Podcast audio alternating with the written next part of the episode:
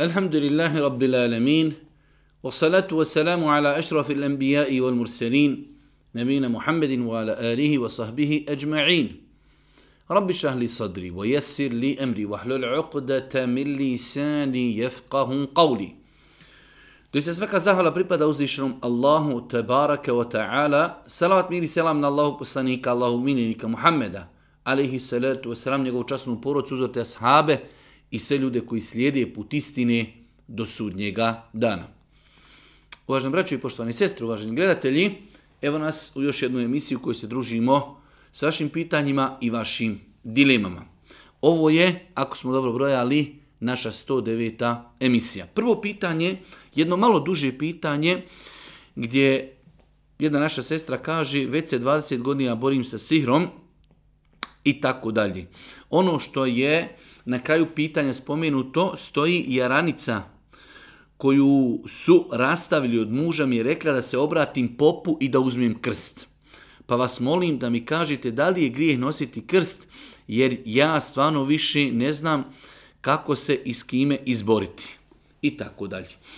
U svakom e, slučaju strogo, ali baš strogo je zabranjeno da čovjek vjernik se liječi na ovakav način e, uzimajući i vješajući na sebe krst. Krst je vjerski simbol, e, tako da musliman ne smije ni pomisliti da se liječi na takav način.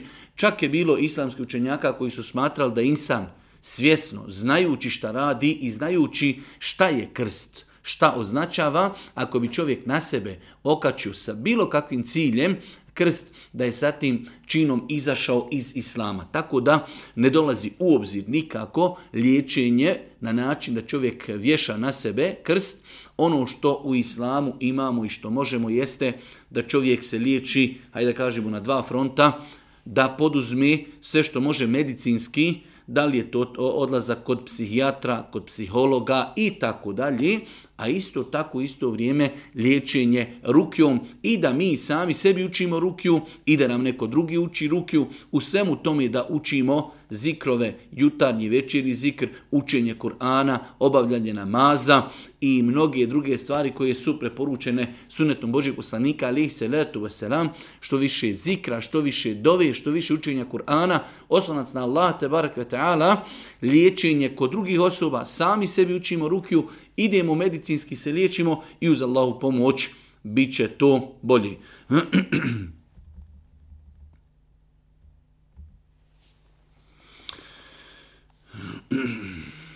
Nisam klanjala skoro pa nikada i sada sam čvrsto odlučila i želim da klanjam redovno.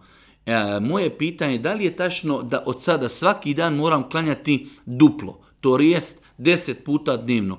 To su mi pojedini rekli da moram tako nadoknati sve u prošlosti što nisam klanjala.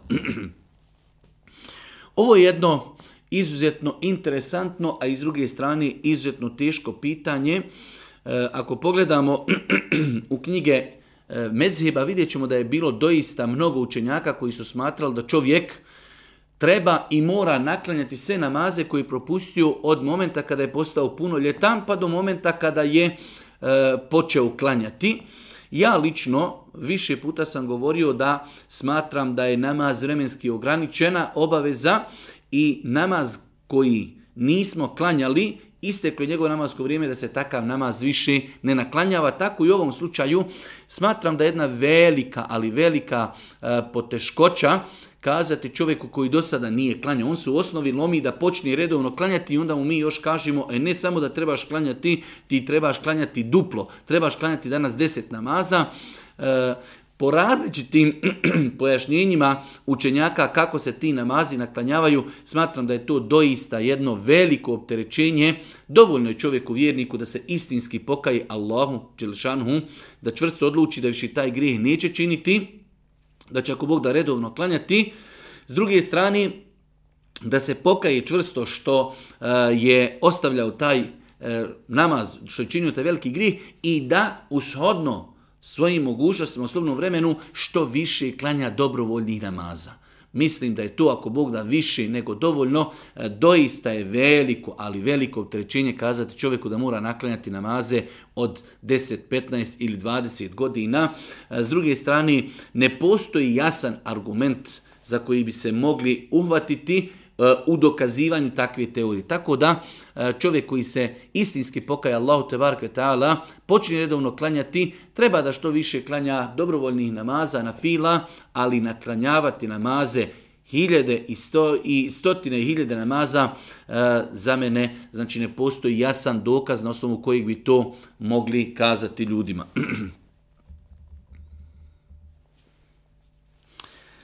E, jedan naš brat kaže da je se vratio vjeri, primio je islam, a u međuvremenu, znači, e, vratio je se vjeri, praktikuje islam, klanja, posti, daje sadaku, uči Kur'an, ali kaže, najgore mi je što, e, što mu uslijed namaza dolaze misli kako psuje gospodara, i tako dalje. E, to svakako ostavlja na njega e, psihički e, tragova, pa je pitanje kako se nositi sa takvim stvarima. Čovjek vjernik treba da zna e, da šetan ga neće ostaviti ni onog momenta kada se pokaje, kada primi islam, kada se vrati Allahu te već će pokušati na bilo koji drugi način da ga vrati ili da ga učini tužnim, e, da ga učini nezadovoljnim, rastrešenijim e, i tako dalje. Tako da jedan od načina jeste i došaptavanje takozvani vesvese u kojima šetan došaptava ljudima mnoge stvari. Ono što čovjek treba jeste da tu apsolutno ignoriši da se prisjeća grijeha koje činio, da mu to odzvanja ušima, e, da ga šeta nagovara u mislima, da to i dalje radi. Sve su to poznati metodi i način kako šetan došaptava ljudima, kako ih e, želi vratiti na ono gdje su bili, kako želi da budu u brigama, u tuzi, da se ne mogu koncentrisati na ibadete, tako da čovjek vjernik treba da uči jutarnji zikr, večernji zikr, e, da to ignoriši apsolutno, iako Bog da to će vremenom, to će vremenom prestati, a što se tiče samih tih vesesa i došaptavanja, čovjek nije griješan jer je to nešto na što ne može čovjek uticati. Allah poslanik ali se selam kazao je e, da čovjek nije odgovoran za određene stvari koje uradi u islamu. Jedna od tih stvari jeste ono što mu šetan došaptava. Znači sve dok čovjek nešto ne progovori i dok ne uradi, sve dok je to e, sama pomisao, sve dok je to došaptavanje, ako Bog da čovjek nije griješan.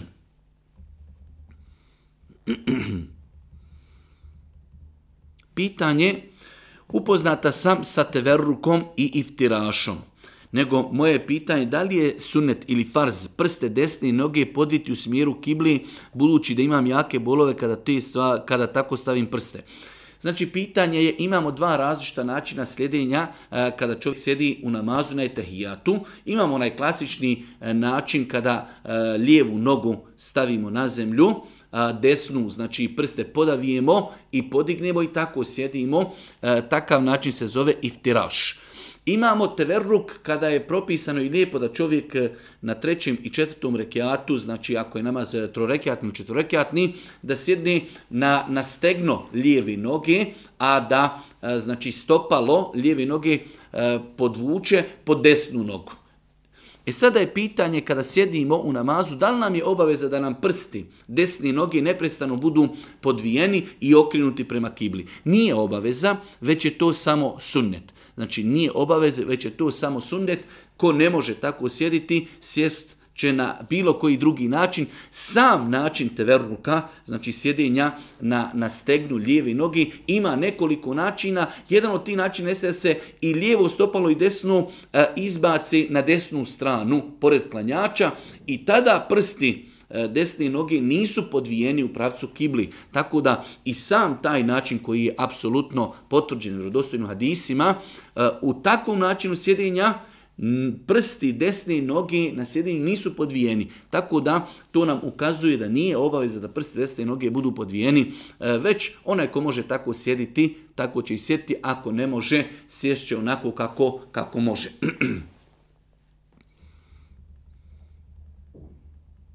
Da li je ispravno jesti meso peradi kojoj se odreže glava? Znači, E, poznato je da je skoro pa nemoguće drugačije zaklati kokoš ili ne znam nija šta već ima od tih sličnih stvari, e, da li je čurka, da li ne znam nija, nešto slično tome, ali u najviše slučajeva misli se na piletinu, osim da čovjek održi e, znači kompletnu glavu e, od životinje koju kolje, da li je tako meso ispravno, inšala biznila, takvo meso je halal i dozvoljeno ako su se ispunili svi ostali drugi uvjeti. Kad su u pitanju velike životinje islamski učenjaci su smatrali pokuđenim da se, da kažemo, odrubi kompletna glava ako je pitanju krava ili ovca ili deva, da se odrubi kompletna glava, iako iako bi se odrubila, to bi bilo, e, halal i ali je bolje da se samo prerežu, znači, eh, vratne žile i da se ostavi glava dok znači životinja ne ispusti svoju dušu, nakon toga se reži glava. U svakom slučaju, da sad ne detaljišemo oko tog pitanja, da li je dozvoljeno jesti piletinu, e, gdje je piletina zaklana na način da je e, kokoši odrezana kompletna glava, inšala biznila da je to dozvoljeno. Šesto pitanje, da li je ispravno da žena radi kao prodavačica, trgovkinja? U svakom slučaju, E, ako žena ima potrebu za takvim poslom, ako je šerijatski ispravno odjevena, e, ako u tom poslu nema nešto što je haram, Inšala da nadamo se da to nije sporno. Svakako da ima tu mnogo kontakta e, sa različitim osobama. Ako žena to može izbjeći, definitivno je bolje. Ali ako žena ima potrebu za takvim poslom, znači ako tu može obavljati namaz, ako nema haram artikala, ako se nosi propisno šerijatski, duboko se nadamo u osnovi da je to halal i dopušten posao. Svakako, ako može naći negdje posao gdje će biti manji u kontaktu sa, e, sa muškarcima, da je to bolji, ali ako je žena inšala bizna šerijatski ispravno pokrivena, ako e, ima mogućnost zaklanja namaz, ako trguje sa e, halal proizvodima, nadamo se ako Bog da, da je to dozvoljeno.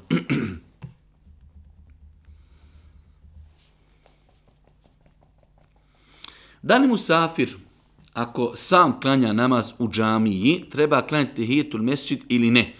U svakom slučaju, čovjek koji je ušao u džamiju i došao je samo s ciljem da obavlji namaz, to što će obaviti taj namaz je na mjestu tehijetul Mescida.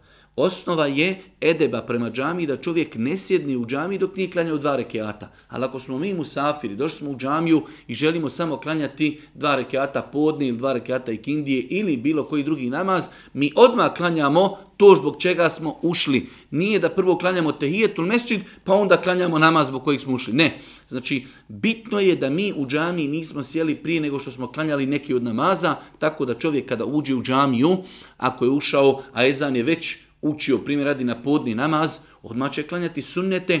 Ti sunneti su na mjestu tahijetul mesečida, jer nama je bitno, kao što je došlo u vjerodostojnom hadisu, da je Boži poslanik rekao, neka niko od vas ne sjedni dok ne klanja dva rekiata. Tako da je nama bitno da čovjek obavi bilo koju vrstu namaza prije nego što sjedni. Tako da čovjek koji je došao konkretno da klanja podni i kindiju, akšam ili ili bilo koji drugi namaz, bitno je da odmah klanja, da nije sjeo u džamiju, nema potrebe da prije toga klanja tehijetul mesđid. Da li je ispravan abdest preko kani i farbanje brade kanom je li dozvoljeno? E, ako se misli kana, e, koju koriste naše žene e, stavljajući je na ruke ili na kosu, kana nema svoju masu. Ona ima samo boju. Kada žena stavi kanu na ruke, nakon toga i operi, ostaje boja, ali nema nikakve mase koja sprečava dolazak vode do tijela i samim tim znači ispravno i dozvoljeno je koristiti kanu i za kosu i za ruke. E, govorimo o ženama, zato što kana nema svoju masu. Kana ima samo boju tako da je to dozvoljeno. I e sada pitanje e, da li je dozvoljeno farbanje kanom. Dozvoljeno je farbanje kanom samo pod uvjetom da kana nije toliko žestoka da je crni boji. Znači dozvoljeno je, čak neki učenjaci su kazali da je sunneti pohvalno lijepo osobama e, koje imaju sjedu kosu ili sjedu bradu, da oboji oboje sjede znači dlake glavi kosi ili bradi, da je oboje kanom, samo pod uvjetom da to nije znači urađeno crnom bojom.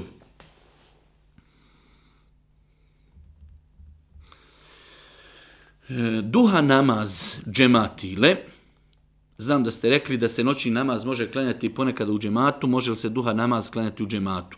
Osnova je kada je u pitanju duha namaz da je to pojedinačni namaz, ljudi ga klanjaju pojedinačno, svako za sebe, čovjek za sebe, supruga za sebe, efendija za sebe i tako dalje. Ali, ako bi ljudi bili negdje na putovanju ili u nekoj grupi pa kažu hajde mogli smo zajedno klanjati, ako Bog da namaz takav je ispravan, ali da se to ne uzima za običaj, da to ne bude svakodnevno, da to bude ponekada, ako Bog da takav namaz je validan i ispravan, ali znači osnova je da se e, namaz duha ubraja u namaze koji se klanjaju pojedinačno, ali ako bi se klanjao i u džematu, ako Bog da namaz je ispravan.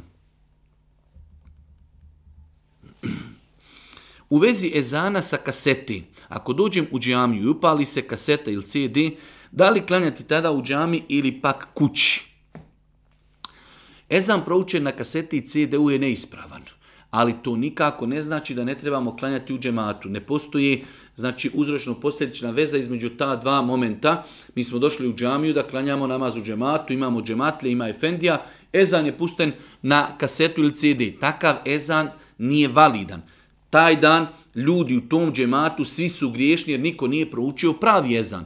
Ezan po pravilu e, i po propisu je kolegijalna obaveza fard el kifaje što znači kolegijalna obaveza, bitno je da ga uradi bilo kod muslimana. Onog momenta u jednom selu, u jednoj čarši, u jednom mjestu, kada se prouči ezan putem CD-a, svi su griješni što nije taj dan neko proučio ezan svojim riječima, znači bez CD-a i bez, eh, bez kaseti. Ali to nema nikakve veze, mi smo došli u džamiji, imamo uvjete džemata, svakako da ćemo klanjati u džematu, ako Bog da imamo nagradu džemata, onako kako je došlo u hadisima 25 ili 27 deređa vrijednja od pojedinačnog džemata.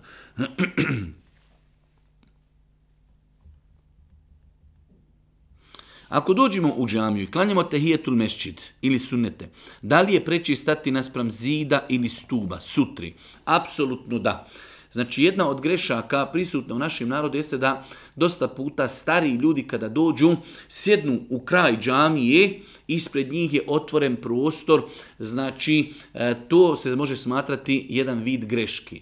Pohvalno i lijepo je kada čovjek dođe u džamiju da stani blizu zida ili blizu ili blizu nekog stuba ili blizu safa koji se već upotpunio. Ako imamo ispred sebe osobu koja ispred nas klanja, mi ćemo se primakiti takvoj osobi na neki, ne znam, metar, metar i dvadeset, metar i po i tu ćemo klanjati. Ta osoba sama po sebi što klanja ispred nas nama je sutra. Ali sjesti na kraj džamije ili odmah na početku džamije početi klanjati, a između nas je otvoren prostor, to je, možemo slobodno kazati, greška.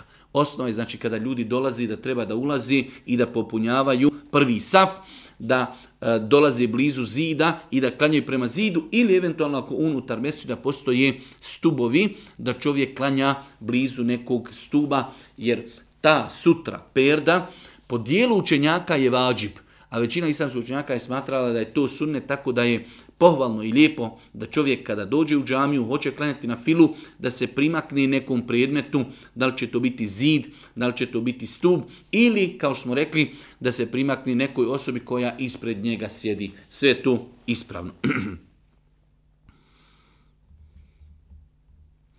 Ako obavljam posao u kojem ima mnogo varničenja i iskrenja, zavarivanje, rad sa brusilcom, te postoji mogućnost da dođe do e, zapaljenja odjeći, kosi i bradi. Da li se brada može skratiti na manje od četiri prsta?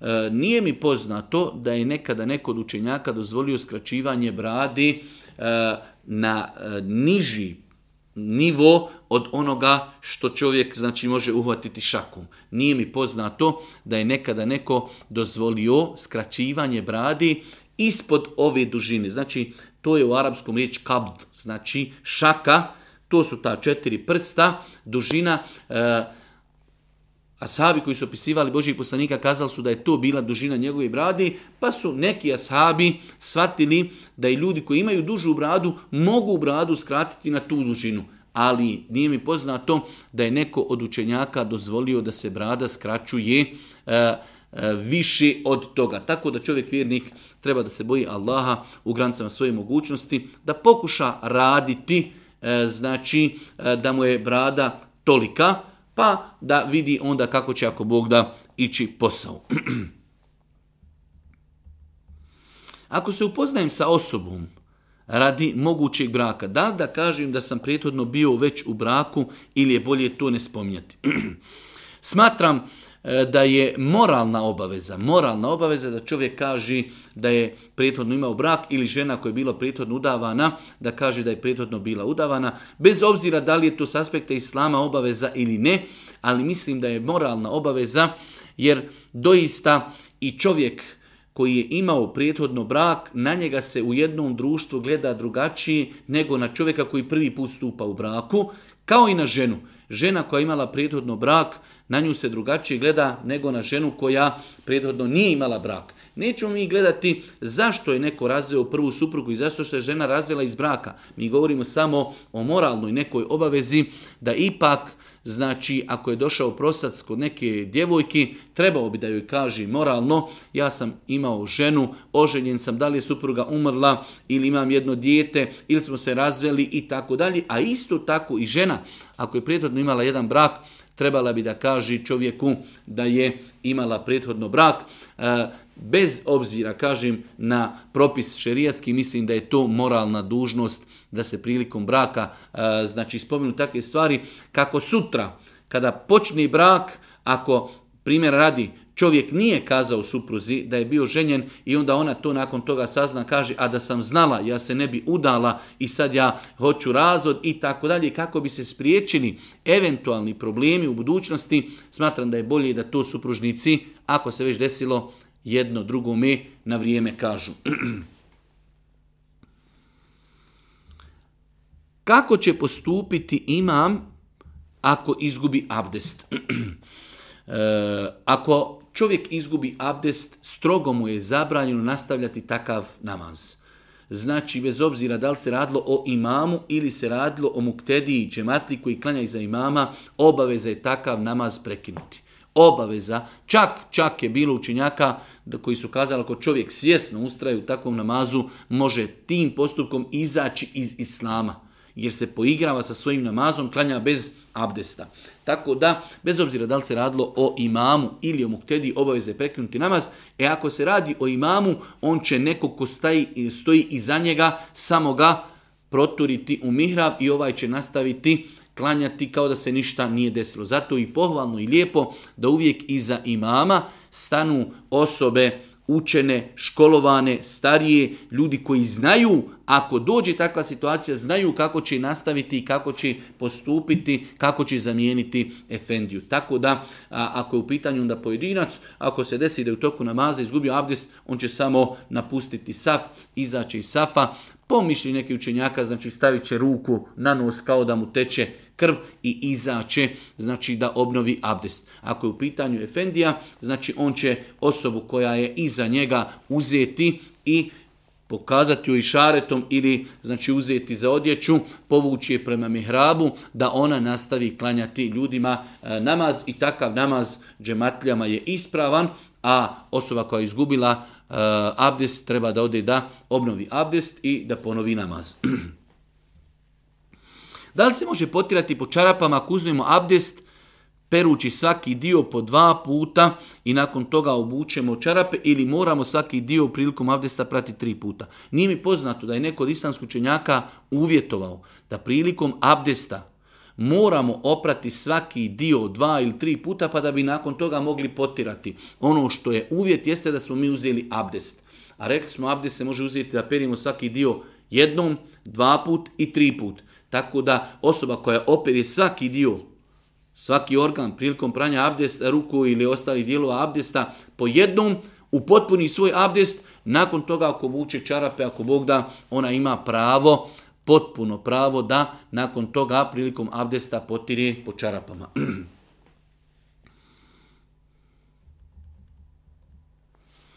selam, imam 14 godina, svaki put kada se abdestim i krenim klanjati, u srcu osjetim nešto, nešto lijepo. Da li je to radost ili nešto drugo? Možete li mi malo to pojasniti?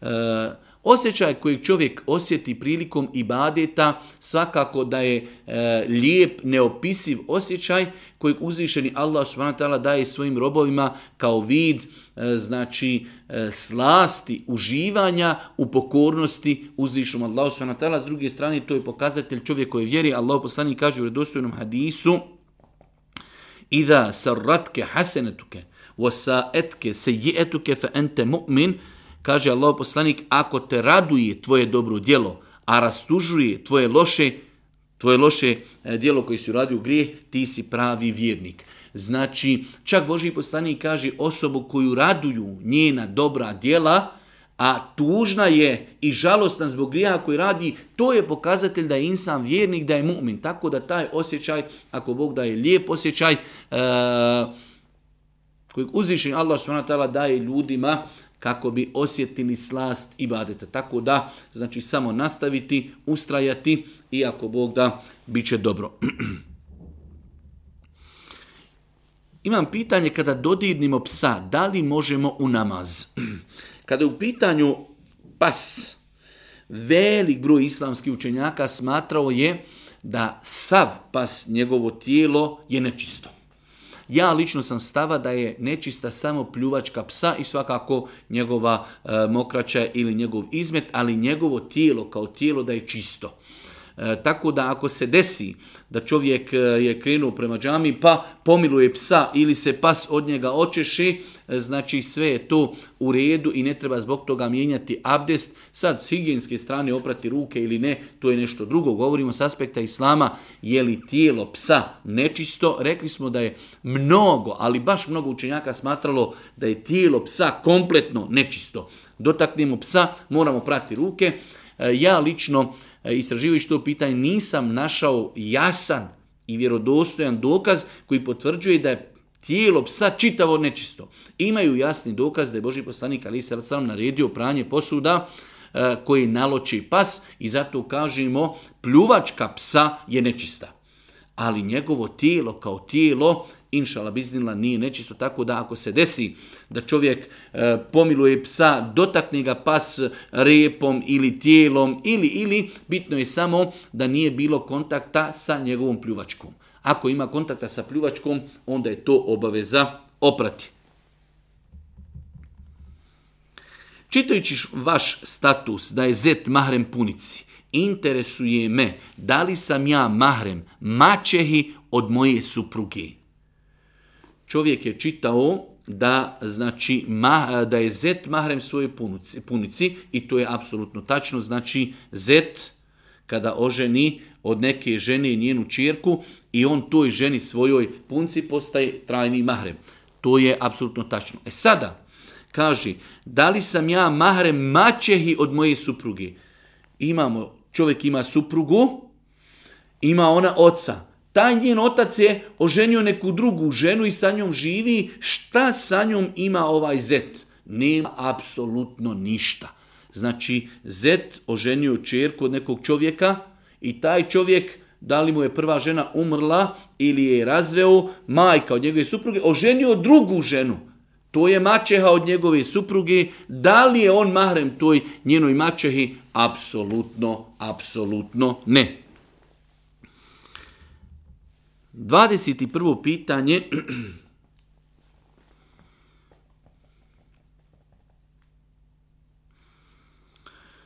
Ja sam sada bio na TikToku i uvidio sam video u kojem se govori kada sunce izađe sa suprotne strane i kada ljudi vide e, i tako dalje. U svakom slučaju pitanje je da li je tačno da se teuba i pokajanje više neće primati kada sunce izađe sa zapada.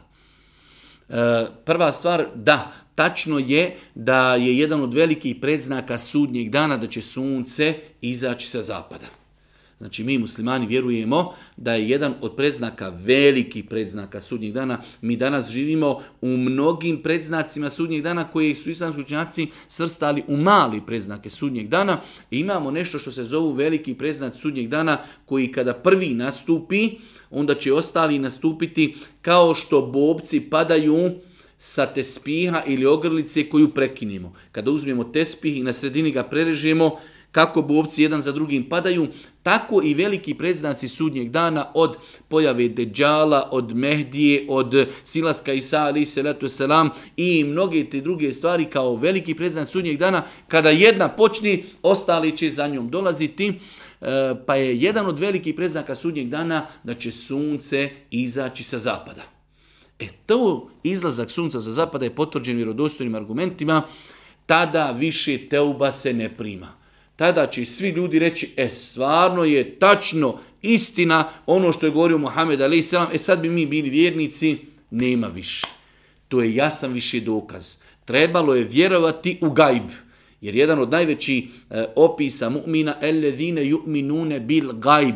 Oni koji vjeruju u gajb. Ono što je obavijestio Boži poslanik ili ono o čemu im govori Kur'an, što se ne vidi, o džennetu, o džehennemu i o mnogim stvarima koji su nagovještene u budućnosti. Kada ta stvar postane očita, ljudi svi vidi, e tada više, znači u vjerodostojnim argumentima, u vjerodostojnim hadisima Božih poslanika, ali se rad sam došlo je da teuba se više neće primati. Imamo vjerodostojan hadis da je Allah poslanik kazao mentabe, kable, en tatla ašemsu min magribiha, tabe Allahu alehi, onaj ko se pokaji, prije nego što sunce izađe sa zapada, Allah će mu oprostiti. Imamo i, i druge argumente, imamo hadis e, e koji bileži imam Buharija, neće nastupiti sudnji dag dok sunce ne izađe sa zapada. A kada izađe sa zapada, svi ljudi će tada povjerovati. I onda citira kuranski ajt, čovjeku neće koristiti vjerovanje njegovo ako prije nije vjerovao ili ako nije kao vjernik kako dobro učinio. Jasni dokazi iz kojih shvatamo da ljudi kada vidi izlazak sunca sa zapada, ljudi će povjerovati, ali tada više vjerovanje neće koristiti. Imam jedno pitanje za vas, naime trudna sam i dobila sam zemzem vodu od naših poznanika, zanima me da li to može se štetiti trudnoći i tako dalje. U svakom slučaju zemzem voda, o zemzem vodi Allah poslanik izrekao mnoge hadise koji potvrđuju da je to najbolja, najbolja voda na zemlji. Na zemaljskoj kugli najbolja voda je zemzem voda, Allah poslanik o njoj i o njenim vrijednostima e, i koristim izrekao i mnoge hadise. Jedan od tih hadisa jeste da E, voda zemzem je e, za ono što se ona zanijeti i nanijeti. Imaju drugi mnogo Eh, mnogi hadisa Allahog poslanika, ali se u vrijednosti zemzema, tako da nikada nisam čuo da je neko u praksi, ali isto tako u nekim naučnim izvorima spomenuo da zemzem voda može štetiti eh, trudnici. Tako da e, uz pomoć nema nikakve smetnje da žena trudnica pije zemzem vodu, osim doista da ju može štetiti bilo koja vrsta vode, tada možda da ju šteti zemzem, ali u svakom slučaju, znači, niti sam čuo u praksi, niti sam čuo da je neko od islamskih učenjaka govorio o tome da Zemzem može štetiti trudnici, čak šta više, e, mi se svakako nadamo kroz iskrenu namjeru, iskren nijet da zemzem samo može koristiti insanu. 23. pitanje, kako mogu naklanjati propuštene namaze u prošlosti? Mogli naklanjati nakon jacije i tako dalje. Obavljam namaz redovno, ali bojim se da sam prije požurivala, a neke sam možda i propustila i tako dalje. U svakom slučaju, e, ovo je već danas drugi put da odgovaramo na ovo pitanje. E, ja lično sam stava da namaz koji se nije klanjao u namaskom vremenu, da se takav namaz ne naklanjava. Smatram da ljudima koji se vraćaju vjeri treba ostaviti e, vrata pokajanja otvorena i da ljudi počnu, da kažemo, sa neke nule, a nadati se da takvim ljudima uzviše Allah njihova loša djela, kao što je došlo u suri Furkan 70. jajt, da njihove grije pretvori u dobra djela ako se istinski pokaju Allahu. Obavezivati ljude naklanjavanjem namaza, gdje je čovjek 10 ili 15 godina klanjao namaze, doista, doista nešto e, veliko, E, pogotovo ljudima, početnicima, zato kažemo, kao što je došlo u vjerodostojnim hadisima, e, da će se na filama, nadopunjavati propušteni namazi e, na, na, na sudnjem danu. Čovjek koji se istinski pokaje treba da ureduje, da klanja redovno namaze i da u slobodnom vremenu klanja što više na fili. Ali obavezivati ljude na klanjavanje doista je premeni, po meni, bez obzira što je to stav velikog, velikog broja islamskog činjaka, ali mislim da je to prestrogo. S druge strane, ne postoji jasan dokaz. Da mi imamo jasan dokaz Bez obzira što je to strogo ili nije strogo, mi bi se držali tog dokaza, ali ne postoji jasan dokaz na osnovu kojeg bi mogli obavezati ljude da moraju naklanjavati namaze koje 10, 15, 20 godina nisu naklanjani, tako da ono što e, ja sam duboko uvjeren, slušao sam velik broj e, svojih šehova od kojih uzimam znanje, da e, čovjek koji se pokaje nije klanjao redovno, treba istinski se pokaje, da ureduje, da redovno klanja namaze, a namaze koje je propustio ne treba naklanjavati, već treba što više na file klanjati.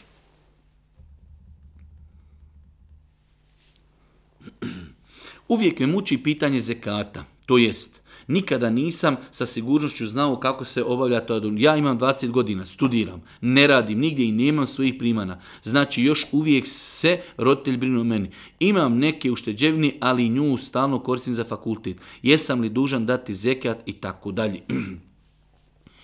E, zekat je obaveza osobama koje su imućne pod dva uvjeta. Svi koji ne ispunjavaju ova dva uvjeta nisu obavezni da daju zekijat i ne treba da se boji da su nešto pogriješili. Zekijat je obaveza imućnim muslimanima koji, kada govorimo konkretno o zekijatu na novac, mi imamo zekijat na novac, imamo zekijat na zlato, na srebro, na poljoprivredne proizvode, na stoku i tako dalje. Ali ono što se najviše tretira jeste pitanje e, zekijata na novac, jeste da čovjek prvo mora dostići nisab.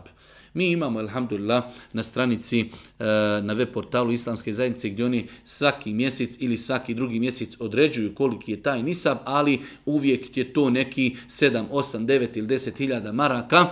Znači, e, pratimo nisab. Imamo li nisab, to je ta granica, i nakon toga kada imamo taj nisab, taj imetak mora pregodiniti godinu dana da nikada nije padao ispod.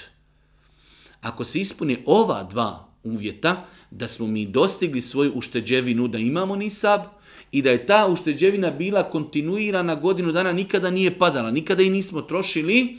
Na kraju godine, znači na sav naš imetak koji imamo, dajemo 2,5 eh, od ili da naš imetak podijelimo sa brojem 40, ono što dobijemo, rezultat, to je ono što trebamo izdvojiti na zekija. Tako da osobe koje nemaju nisab, nije njihov nisa pregodinio, nisu dužni da izdaju zekijat i uopšte zbog toga ne treba da se brine, brinu, niti da smatraju da su griješni. Pozdrav, ukoliko neko konzumira cigare i klanja i trudi se i trudi se. Da li su njegovi namazi i djela primljena? Kada bi čovjek umro, a pušio je, da li nakon smrti bi našao namaze na vagi svojih dobrih djela i tako dalje? E, ovo su dvije, da kažemo, zasebne stvari. Konzumirati duhan je apsolutno znači zabranjeno, ne smijemo sumnjati u to. Čovjek na taj način uništava svoje zdravlje, uništava i metak i smeta drugim ljudima. To su tri glavna faktora zbog kojih savremeni učenjaci, koliko mi je poznato, bez razilaženja smatraju da je duhan haram. Ali isto tako to nema veze i sa čovjekovim namazom. Kao što čovjek može klanjati, ali može slušati muziku. Kao što čovjek može klanjati, a možda raditi gibet. Kao što čovjek može klanjati, ne daj Bože, ukrasti. Sve su to grijesi ali e, oni nemaju veze sa njegovim namazom, tako da čovjek koji konzumira duhan, on je u haramu, ali ako redovno i ispravno obavlja svoj namaz, on će ako Bog da svakako na sudnjem danu naći svoj namaz i bit će ako Bog da nagrađen za svoj namaz, a odgovoran će biti za grijehe koje je činio konzumirajući duhan. Ovo nikako nije poigravanje sa pitanjem duhana. Mi jasno dajemo odgovore da je konzumiranje duhana haram, da čovjek na taj način šteti svome zdravlju. Naše zdravlje je naša odgovornost, naše tijelo je naša odgovornost uništavamo svoj imetak, naš imetak je naš emanet, naša, naša blagodat za koju ćemo odgovarati, zato moramo paziti gdje ga trošimo i s druge strane mi konzumirajući duhan pasivnim pušenjem štetimo ljudima iz našeg okruženja i zato ćemo biti pitani na sudnjem danu. To su tri glavna faktora zašto je duhan zabranjen, ali u svemu tome opet to nema nikakve veze sa obavljanjem namaza i validnošću namaza.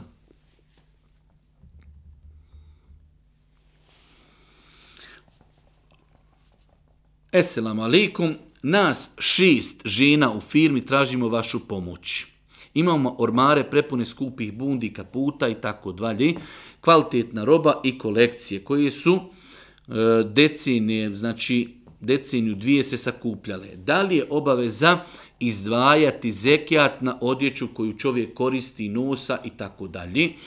Nije mi poznato da je neko od islamskog učenjaka spomenuo i obavezao izdvajanje zekijata na robu koju čovjek nosi. Došlo je u vjerodostojnom hadisu koji bilježi imam i Buharija i Muslim da je Allah poslanik kazao li alel muslimi fi abdihi wala i sadaqa. Nije obaveza čovjeku vjerniku da izdvaja zekijat na svoga roba, jer rob u to vrijeme se smatrao i niti na svoga konja koje koristi. Došli su još neki drugi rivajeti ovog hadisa, ali ono što je pojenta jeste da islamski učenjaci kažu onaj imetak kojeg čovjek koristi. Znači čovjek ima auto, čovjek ima laptop, čovjek ima mobitel, čovjek ima kuću, čovjek ima vrtu, baštu, eh, vikendicu i tako dalje, eh, odjeće bez obzira koliko obuće, bez obzira hranu koju jedemo, sve su to stvari na koje ne treba davati zekat i nije mi poznato da je ikada iko od islamskog učenjaka kazao da je čovjeku obaveza izdvajati zekat na odjeću koju on koristi, bez obzira koliko te odjeće čovjek imao.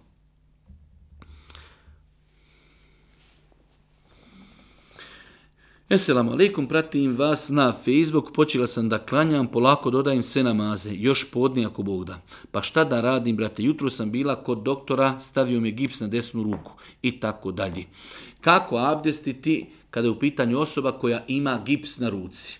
Osobe koje imaju gips na ruci, eh, abdestići na način da sve onu na čemu nema gipsa će oprati, a onaj dio na kojem se nalazi gips ako je taj dio eh, inače obaveza prati prilikom abdesta, njega će potrati mokrom rukom. Pa ako bi rekli da je gips, evo, na, na ovom dijelu ruke, mi ćemo znači abdestiti, opraćemo lice, sve ostalo što treba. Kada dođemo do pranja ruku, opraćemo jednu ruku, drugu ruku kada budemo prali ono što je otkriveno, to ćemo oprati, to je obaveza. Ostali dio ćemo mokrom rukom samo potrati sa svih strana, iako Bog da, to je dovoljno, ali dio, ako imamo dio koji je ovdje otkriven ili ovdje, dio koji je otkriven, on se mora oprati, a dio koji je pokriven gipsom, njega ćemo potrati mokrom rukom i ako Bog da nastaviti ostali e, dio abdesta, pranje nogu i tako dalje. Tako da e, pravilo veliko glasi ako e, na dijelovima tijela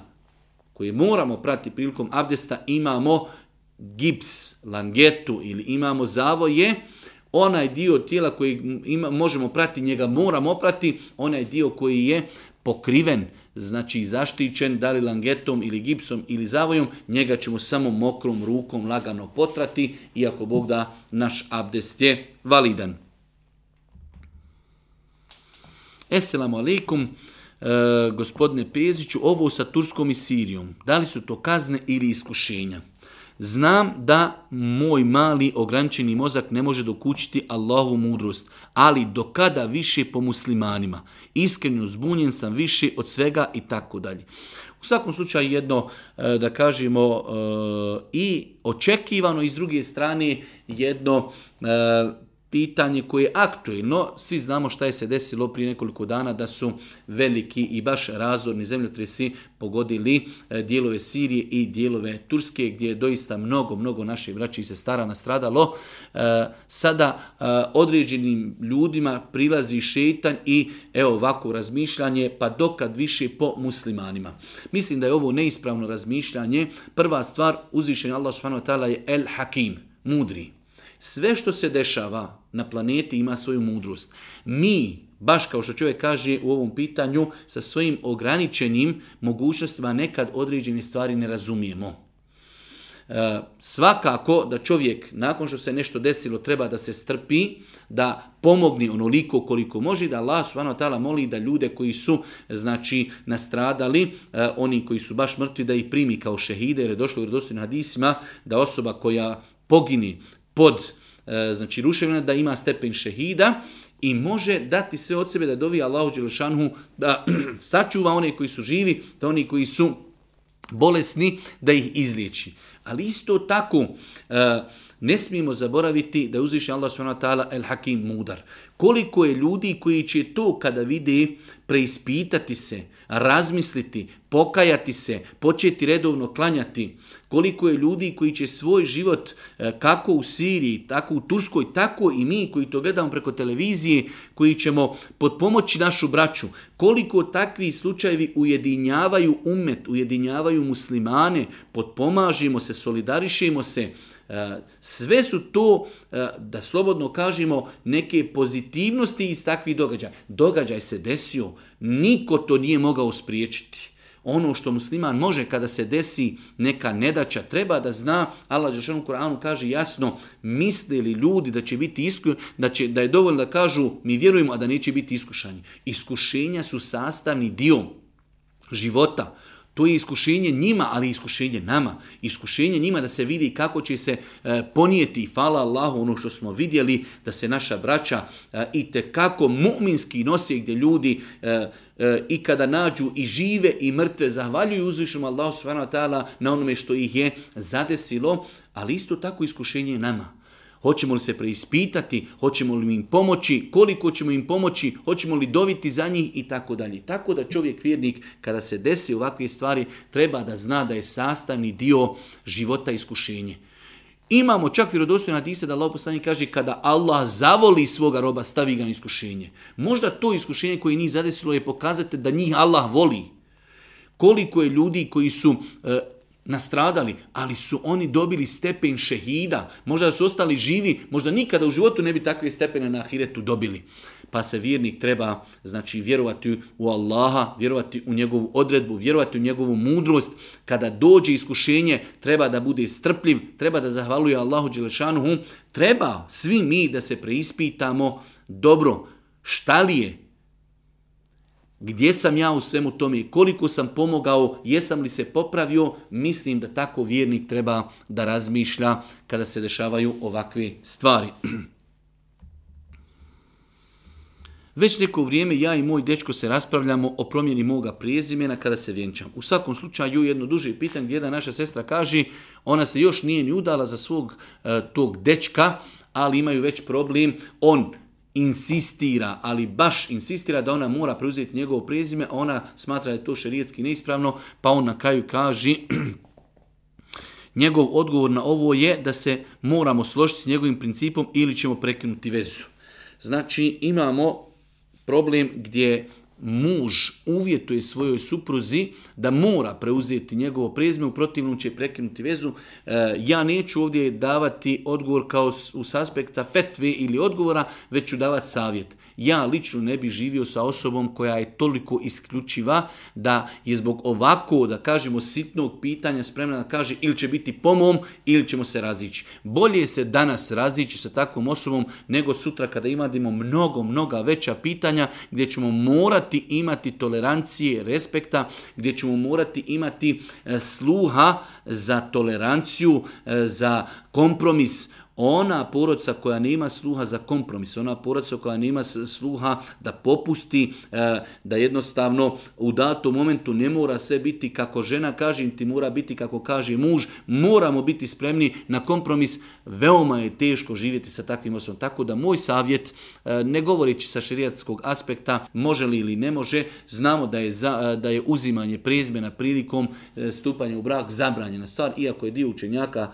to dozvolio, dio učenjaka na našem podneblju, ali apsolutna većina šerijetski obrazovanih ljudi na našem podneblju smatra da ženi nije dozvoljeno uzimati e, prezime svoga muža prilikom vjenčanja ali e, nevezano za taj propis, e, ovo je već jedan veliki pokazatelj da je to jedna teška osoba i da je osoba koja ne zna za kompromis, osoba koja ne zna za e, toleranciju drugog i drugačijeg, ja sa takvom osobom ne bi preporučio nikako život. Prije nekoliko mjeseci sam počela obavljati namaz pa me nešto interesuje. Da li žena može potrati po glavi prilikom uzimanja abdesta ako joj je kosa svizana? Jer Gumica obuhvata jedan dio kose na koji neće uspjeti doći voda. I na kraju, isto tako me zanima da li voda treba doći do tjemena, jer e, je sa dugom i gustom kosom to veoma teško izvesti. Kada je u pitanju potiranje po kosi, generalno potiranje po kosi u islamu je zasnovano na jednom vidu olakšice. Vidite, mi kad abdestimo, e, perijemo sve dijelove tijela, perijemo, a kosu samo potirimo. Sve dijelove tijela možemo prati tri puta, a kosa se potiri samo jednom. Ako imamo turban na glavi, potirimo po turbanu. Ako žena je stavila mahramu, potiri po mahrami. Sve to ukazuje e, da je pitanje potiranja zasnovano na nekom, e, da kažemo, vidu olakšic. Tako da žena ako ima na kraju kosi lastiku koja je spuštena skroz do vrata, to je više nego ispravno da uzme mokrim rukama, znači mokri, mokre ruke, vlažne, da samo potari kosu do kraja vrata i njeno potiranje je e, validno. Čak što više, kažu islamski učenjaci, ako bi žena e, kosu i zaplela, da kažem, u neke punđe, u neke pletenice, ili da ima neke šnale, ili da ima nešto na glavu, dovoljno je da samo mokrim rukama prijeđe i da potiri ono što može ono što može potrati ako Bog da njeno potiranje je validno i ispravno. Zašto? Zato što to potiranje generalno je zasnovano na jednom, na, da kažemo, na jednoj olakšici. Tako da žene koje imaju lastiku, najbolje da lastiku, znači na kosi spusti skruiz do vrata, i nakon toga da potaru, iako Bog da njihovo potiranje validno. S druge strane, ovdje mi sastavni dio pitanja da li voda treba doći do tjemena. Apsolutno ne.